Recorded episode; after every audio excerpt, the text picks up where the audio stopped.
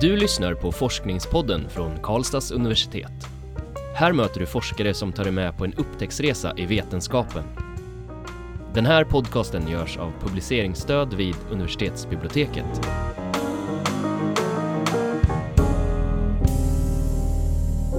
Hej och välkomna. Mitt namn är Magnus.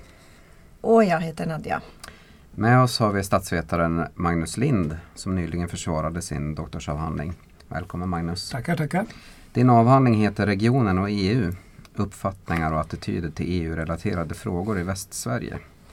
Kan du börja med att berätta lite om vad avhandlingen handlar om? Uh, rent empiriskt så studerar jag en, en relativt intensiv diskussion om ett sånt där regionalt kontor som regioner har i Bryssel. Jag hade ju inledning när Sverige blev medlem i EU 95 så var det ungefär 6-7 kontor. Idag har vi 12 kontor. Mm. Det verkar som om det finns ett behov av att kan säga, ha lite större, större makt eller om man kan säga över sina egna frågor på regional nivå. Ett av de där största och de absolut mest framgångsrika eh, kontoren hette West Sweden. Som, som hade 69 kommuner, för jag säger hade för de finns inte kvar. Hade 69 kommuner och tre regioner varav Värmland var en, Västra Götaland och Halland. Mm. Så man hade en egen liten kontakt, eller vad man kan säga, en liten plattform nere i Bryssel som man kunde använda på olika sätt. Då. Och 2011 så började man en diskussion om framtiden och vad vi vill göra. Det var intressant att förändra och förnya efter 20 års verksamhet. Och lite överraskande så slutade det med att man la ner verksamheten. och så, så istället så har då Region Värmland för något år sedan öppnat ett eget kontor. Mm. Västra Götaland har ett eget kontor. Göteborgs stad har ett eget kontor. Och Halland har inget kontor. Mm. Så att eh, jag fick empiriskt där en väldigt speciell ska säga, chans egentligen att kunna komma åt vad regionala och lokala aktörer egentligen tänker om EU och EU-frågor. För det visar sig mm. att inte bara i Sverige utan i hela Europa så är det en väldigt, väldigt stor variation om hur man hanterar EU-frågor. En del tycker det är jätteviktigt att vara representerade i Bryssel och påverka ifrån vår, En del menar att det liksom är helt ointressant.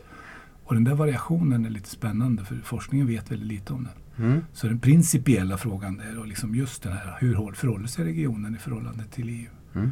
Och varför det? Mönster egentligen som, som, som då utkristalliseras i den här empirin. Mm.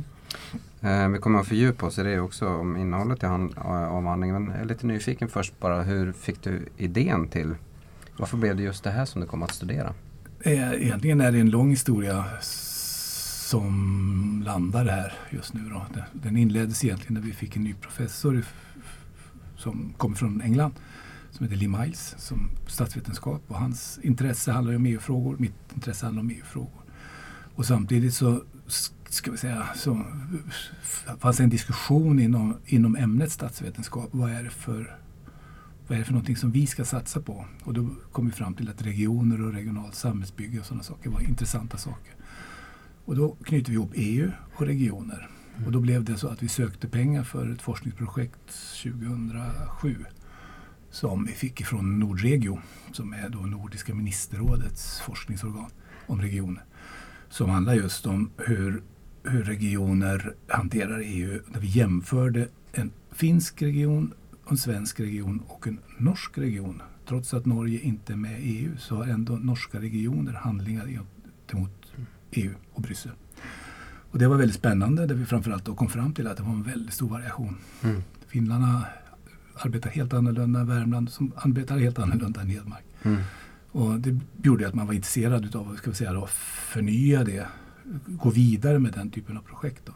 Det projektet kallar vi för Fusing Regions? frågetecken och då är fusing kopplat till en teoribildning som vi använder när vi pratar om europeisk integration. Och så. Och, och då ställer vi den frågetecken. Ja, vi ser att det finns tecken på fusing men vi, vet, vi måste veta mer och då så blev Fusing Regions plus mitt projekt. Alltså okay. 2.0. Ska gå vidare sådär. Och då hade jag från början lite svårt att hitta någon spännande empiri. Men 2011 då drog de igång den här diskussionen och då visade det sig att den var så pass livlig och så pass intensiv att den var vansinnigt spännande att titta in i. Mm. För det är ju också så att eh, det finns en variation mellan hur, hur, kommuner och regioner hanterar EU. Men det är också en variation säga, medvetenheten om EU. Så när, när vi började gjorde pilotstudier för tio år sedan, 2006, så var det svårt att hitta ska vi säga, då, genomtänkta tankar om EU från många kommunalråd. Så jag frågade vad, vad, kommunen, vad EU betyder för er kommun så fick jag svaret fred på jorden ungefär. Okay. Mm. Så det, det, var inte någon genomtänkt tanke. De hade inte ens tänkt vad EU skulle betyda för kommunen. Och genom den här diskussionen så har empiriskt material som inte finns på något annat sätt. Så väl genomtänkta tankar om vad det betyder och varför det betyder som det betyder. Mm. Och hur har du gått väga i din eh, studie för att få fram resultat? Samla in data, det är intervjuer och dokument och observationer kan man säga. Eh, de, eh, det gäller att hitta liksom de rätta intervjuerna. Då använder jag det som kallas för snöbollsteknik. Att man frågar vilka är det som är mest aktiva i diskussionen och försöker få en bred bild av de olika uppfattningar och så som är med i diskussionen. Och då, då, då, då blev det ungefär 20 intervjuer. Mm. Ifrån då tjänstemän och politiker i de här tre regionerna. Och sen så hade då det här West Sweden som då styrdes väldigt underligt. Det var en ideell organisation och två stycken aktiebolag. Ett aktiebolag i Belgien och ett aktiebolag i Sverige. Och det var ett kontor i Göteborg och så ett kontor i Bryssel. Och allting styrdes av en ideell förening och det var den ideella föreningen som alla de här 73 organisationerna var medlem i. De hade en stämma, en årsstämma varje år. Mm. Och så var jag med på deras stämmor och tittade på deras, lyssnade på deras debatter och skrev ner alltihopa. Men du kom in i processen från 2011 och framåt? Under... Några år senare, 2012. Mm. Så för att jag visste liksom inte riktigt om att den processen pågår förrän 2012. Mm. Och då var det bara att hoppa på. Mm. Okay. Mm. Eh, jag skulle gärna vilja haka på um, lite det du pratade om tidigare att det finns så många olika uppfattningar och det är nästan titeln också på, på avhandling uppfattningar och attityder och du sa mm. några är helt med och vill påverka Eh, Medan andra tycker inte de har någonting i Bryssel att göra. Kan du berätta lite, hur, lite mer i detalj vad det, vad det är de säger och varför de tycker som de gör? Ja. Ser du några trender? Eller? Ja, det är det som är spännande. Jag har ju, egentligen har jag ju ingen förklarande ambition i min avhandling även om det finns förklaringar inbyggda i den. Det är mer en explorativ studie som jag tänker försöka göra ett mönster, eller ska säga, hitta mönster i de här uppfattningarna och mm. attityder som man sen kan jobba med att, försöka förklara lite tydligare. så. så eh, och min, den, den, modell jag använder mig av den, den, den skiljer på tre dimensioner utav ska säga, sätt att se på hur EU-frågor hanteras. Eh, den ena dimensionen den kallar vi, eller inom europeiseringsforskning kallar vi den för download på engelska. Det är svårt att översätta så jag använder det engelska begreppet download. Och det är inte det blir inte som inte, inga dator, precis. Det blir lite konstigt på svenska. Så att, men download handlar egentligen om att EU fattar beslut som påverkar regioner och kommuner och, och det vet ju alla om. Så ett sätt att hantera, hantera EU-frågor det är liksom att koncentrera sig på just vad det finns det för möjligheter och problem med EU-beslut. Och då måste vi anpassa oss till det. Och det gör ju alla så att säga. Det finns, det finns ingen, där finns det ingen skiljad. Där kan man göra på olika sätt givetvis och vara mer aktiv eller inte aktiv. Man kan ha välja till exempel en EU, hur stora, man kan ha ett eget avdelning som sysslar med EU-frågor eller internationella frågor som till exempel Göteborg har. Mm. Med hur, 12 anställda ungefär gentemot Region Värmland som har en person inom regional tillväxt som sysslar med Norge och EU-frågor. Så det, bara där är ju en väldig skillnad liksom hur man väljer att, att säga, fokusera på, på EU-frågor. Eh, och den andra dimensionen från Down, och det är det jag kallar för den horisontella dimensionen. Och det är ju, den är lite underskattad i europeiseringsforskning. För den, den, den, den, försöker komma åt hur hanterar man inom en kommun eller region? Vad, vad, hur väljer man att hantera det? Alltså hur kommer man fram till det? Och då kan man ju tänka sig givetvis många olika sätt att göra det. Men från en slags demokratisynpunkt så ställer man sig den frågan givetvis. Hur, vem får vara med och bestämma vilka frågor det är som, som ska göras och hur vi ska göra detta? Och där ser vi en skillnad till exempel med det finska fallet som vi studerat tidigare. De, där var det inget problem utan där bestämde två personer vad man gör. Så, så kör vi, säger finnarna. Det är kanske är därför de också är väldigt, är väldigt framgångsrika egentligen mm. när de gör. För, för Värmland blir det jobbigare när jag frågar, intervjuar folk från början. Om de känner till någon värmländsk fråga så svarar alla vadå? Det finns inga sådana. Mm. Vad är en värmländsk fråga? Alltså, alla vet vem en värmlänning är. Bara man öppnar mun så känner man att ah, du kommer från Värmland. Men ingen vet vad en värmlänning vill. Det var, mm. det var min, en, en sån där devis eller vad man ska säga som jag hade tidigare. Liksom, stark kulturell identitet men väldigt svag politisk identitet. Och det handlar ju om den där horisontella dimensionen, hur man bestämmer vad man ska göra. Och jag tror att är det någonting som jag, om, om om jag skulle göra någon sån här policyrekommendation till någonting så är det ju just hur betydelsefull den här horisontella dimensionen är för att hantera EU-frågor. För det är inte nödvändigtvis så att man måste ha något kontor i Bryssel där man måste lägga en massa pengar på det. Utan man kanske ska ha någonting annat. Men det viktigaste är ju att man kommer överens. Så att, så att, alltså, någonting som jag lärt mig av avhandlingen då säger att alla EU-frågor börjar hemma. Mm. De börjar inte i Bryssel utan det är samma sak som universitetet till exempel. Vi skulle ju kunna, det finns många universitet som har folk i Bryssel. Men det finns ingen anledning för oss när inte vi själva bestämt vad vi vill göra med EU. Och, och, och, och när vi, vi, skulle kunna ha det men det finns ingen anledning om vi inte kan dra någon nytta av det. Då kostar det mest pengar. Så det viktigaste är man bestämmer är den där horisontella då, dimensionen. Den tredje dimensionen det är en upload-dimension och det är att när man bestämmer sig för att man ska där man ska, ska säga då, påverka politiken i EU i någon, en riktning som man då tycker är gynnsam för sig själv. Och det behöver dock inte bara vara påverkan i politiken i EU. Man kan också, vilket är väldigt ofta i vårt fall, det fall som jag studerar, att man påverkar EU för att påverka regeringen. Mm. Så att man, får EU, man lierar sig med EU för att sen få regeringen då, att, att, mm. att, att ändra någon prioritering men betyder det då att det horisontella som du pratade om förut, det måste vara en förutsättning för att kunna ha en sån här upload som ni pratar om nu eller?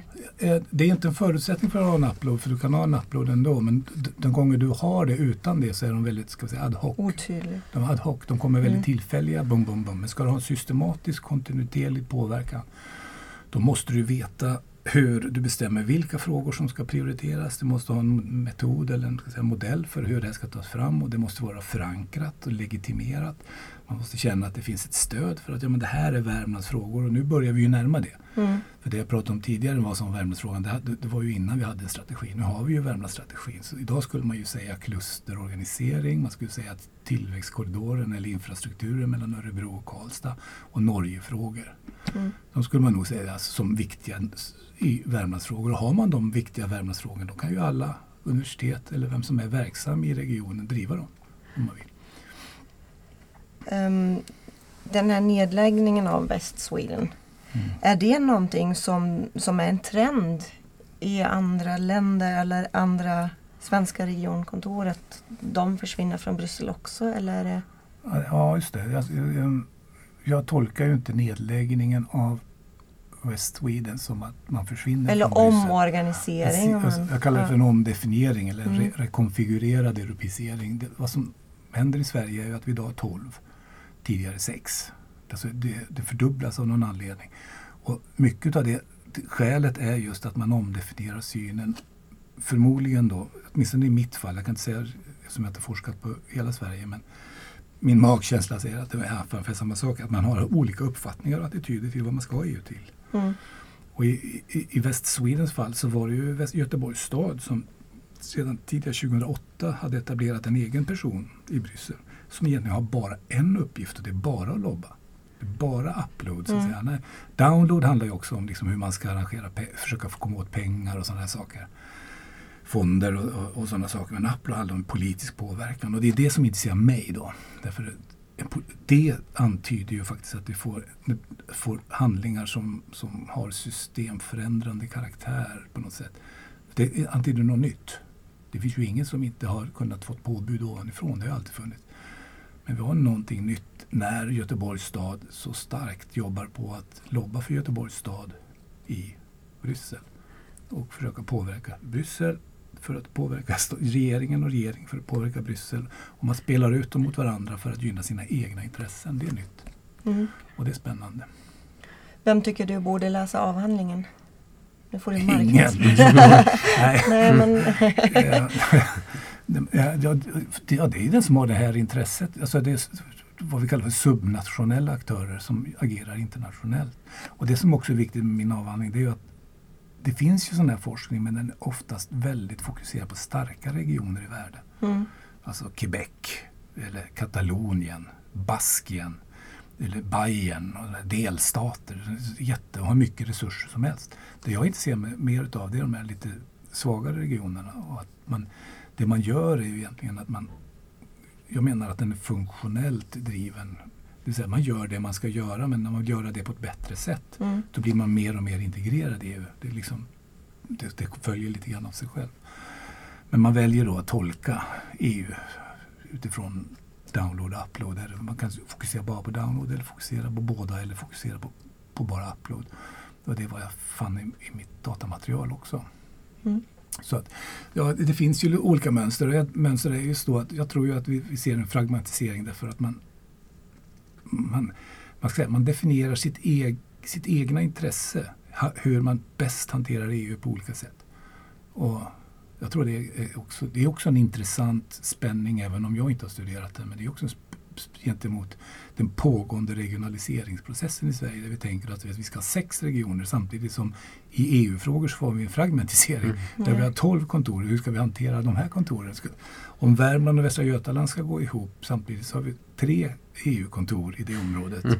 som agerar olika. Det är liksom det är Mm. liksom är spännande. Det, är kanske också därför som Göteborgs kom, stadsfullmäktige, kommunfullmäktige faktiskt, eller kommunstyrelse var det som, som, som rekommenderade att inte gå ihop med Värmland. Och det är ju för att de ser ju stora problem i det här fokuset på sitt egna intresse i något slags större sammanhang. Mm. Så de vill inte ha med Värmland förstås. Mm. Så att det är spänningar och Ja. intressanta. Så att den som ska läsa det, det är ju de som, som är intresserade av de här spänningarna mellan kommuner och regioner, regionbildning, regionorganisering. Och kopplat till globalisering och EU-frågor och så. Mm. Kan det vara nyttigt för de här olika aktörerna, politiker, företagare, vilka eh, representanter som nu finns i de här regionkontoren att liksom få perspektiv på eh, sina egna processer och så? Absolut. Läsa Och- din. Eh, Och jag hoppas, jag vet att Thomas Ristö ska sagt i alla fall att han ska bjuda in mig till, till, till, till regionen och regionstyrelsen för att prata om det. För att jag tror ju liksom att det är någonting, man kan lära sig mycket av den och inte minst om man är regionpolitiker. Mm. Jag tycker den här enkla, egentligen vansinnigt enkla tredimensionsmodellen om download, upload, crossload. Bara den är någonting man kan fundera väldigt mycket över. Mm. Alltså man kan fundera över till exempel i Värmland, om vi tar det som fall, vi kan ta vilket region som helst, men om man tänker sig Värmland så måste man ju fundera över hur, hur hanterar vi EU-frågor? Mm. Och vem är det som bestämmer det? Hur kan vi göra det på bästa sätt och så vidare. Det finns ju så många olika sätt. Mm. Att universitetet skulle kunna vara med i kontoret, vi skulle kunna jobba ihop som man gör i, i, Finland till exempel. Eller andra, det finns ju väldigt många. Det finns ett spännande kontor som heter Creo DK som är, som, som är i samma hus som Region Värmlands kontor. De ägs av en region, Köpenhamnsregionen tillsammans med två universitet. Och den, den kontorets enda uppgift är att lobba för forskningsprogram. Mm. Så att om du föreställer att vi har excellenta miljöer här på Karlstad universitet så har de en person som jobbar för att i nästa call på Horizon 2020 ska det stå så att våra forskare kan söka pengar. Det perspektivet har inte riktigt vi än, Nej. eller om vi någonsin kommer få, det vet jag inte. Men det, det är ett perspektiv man kan ha. Mm. Det, det är inte bara att sitta och vänta på någon slags, någon slags makt från ovan ska trilla ner. Man kan faktiskt påverka. Det är bara att göra. Ja. Mm. Om vi vänder blicken lite till dig själv då. Så, hur, hur har hela den här studien påverkat dig forsk, forskarutbildningen så att säga? Vad har hänt med dig under resans gång? För, för mig har egentligen har det varit ganska, en ganska jobbig process, vill jag säga, personligen. Och det beror egentligen på att jag har ju faktiskt varit anställd som adjunkt i kanske 15 år. Innan jag sen blir då, får medel att bli doktorand. Och det har faktiskt varit lite krångligt för jag tror att alla system och alla institutioner vi har de är ju uppbyggda för att det kommer in en ny doktorand som har dock kommit direkt ifrån akademin. Så att, säga. Så att jag har ju kontaktnät i universitetet och jag har folk som förväntar sig att jag ska göra saker. Och då har jag fått liksom en slags kultur i förhållande till mig och sen ska jag bryta den och det har varit jättejobbigt Mm. faktiskt. Så att jag måste liksom tvinga mig själv att sätta mig ner och skriva. Det är lite jobbigt när man är adjunkt och involverad i så många processer i huset. Ja, det. Så det är nog det som har varit jobbigast för mig. Mm. Hur ser det ut framöver då? Vad har du för planer för framtiden? Nej, det är att försöka hitta, nu jag tänker jag kul. Jag har ju gjort det här för att ha kul. Det liksom, jag har inte gjort det här primärt för att göra någon karriär eller någonting sånt där. Mm. Utan primärt är det för att jag hoppas att det kan öppna lite dörrar. Mm. Kan, man kan få göra lite mer spännande saker som är lite kul. Sådär. Och det finns ju mycket jag kan göra för jag är väldigt bred egentligen. Även om jag nu här sysslar med i- Europastudier och så, så, så håller jag på med internationell politik. Och det, och även lärarutbildad i grunden. Så att Mm. även då som är samhällsdidaktiska centrum kan liksom vara intressanta för mig. Mm. Tiden närmar sig Ja. slutet här för oss. Ehm, men du kanske har någonting som du vill tillägga som du känner att vi har glömt som du jättegärna vill eh, att våra lyssnare får reda på? Mm. Det finns ganska mycket men då får vi börja om igen. Vi får ta en ny, Ja, du får ta en ny podcast sådär, med lite Men det är väl det, det, är väl, alltså det som kanske har liksom poppat upp lite grann. Det är det där, ska säga, de här normativa delarna i, i, i min egen förhållningssätt. Så är det ju inte så att jag, att jag liksom pläderar för att man alltid ska vara uploadare och alltid ska vara i Bryssel. Utan det kan också vara helt okej att vara downloadare så att säga. På något sätt, och bara bry sig om vad man kan få för pengar. Men det viktigaste för mig i är att man är medveten om vad man gör. Alltså att regionala aktörer, politiska aktörer gör sina val på ett medvetet sätt. Det finns ingen idé att springa på alla bollar i Bryssel utan man måste medvetet i sådana fall göra vad man ska göra och varför man ska göra det. Och vara duktig på att kunna kommunicera det också med sina medborgare för det ser vi väldigt dåligt tycker jag. Mm. Det, är dåligt, det är dåligt. Man är inte bra på att kommunicera med, med varför man är i, i, i, Bryssel och vad är det man vill ha ut av det och så vidare. Det tror jag man ska behöva bli bättre på. Mm. Varmt tack Magnus Mm, tack. och att du har gästat Forskningspodden och lycka till med Mm. det du kommer fortsätta med nu.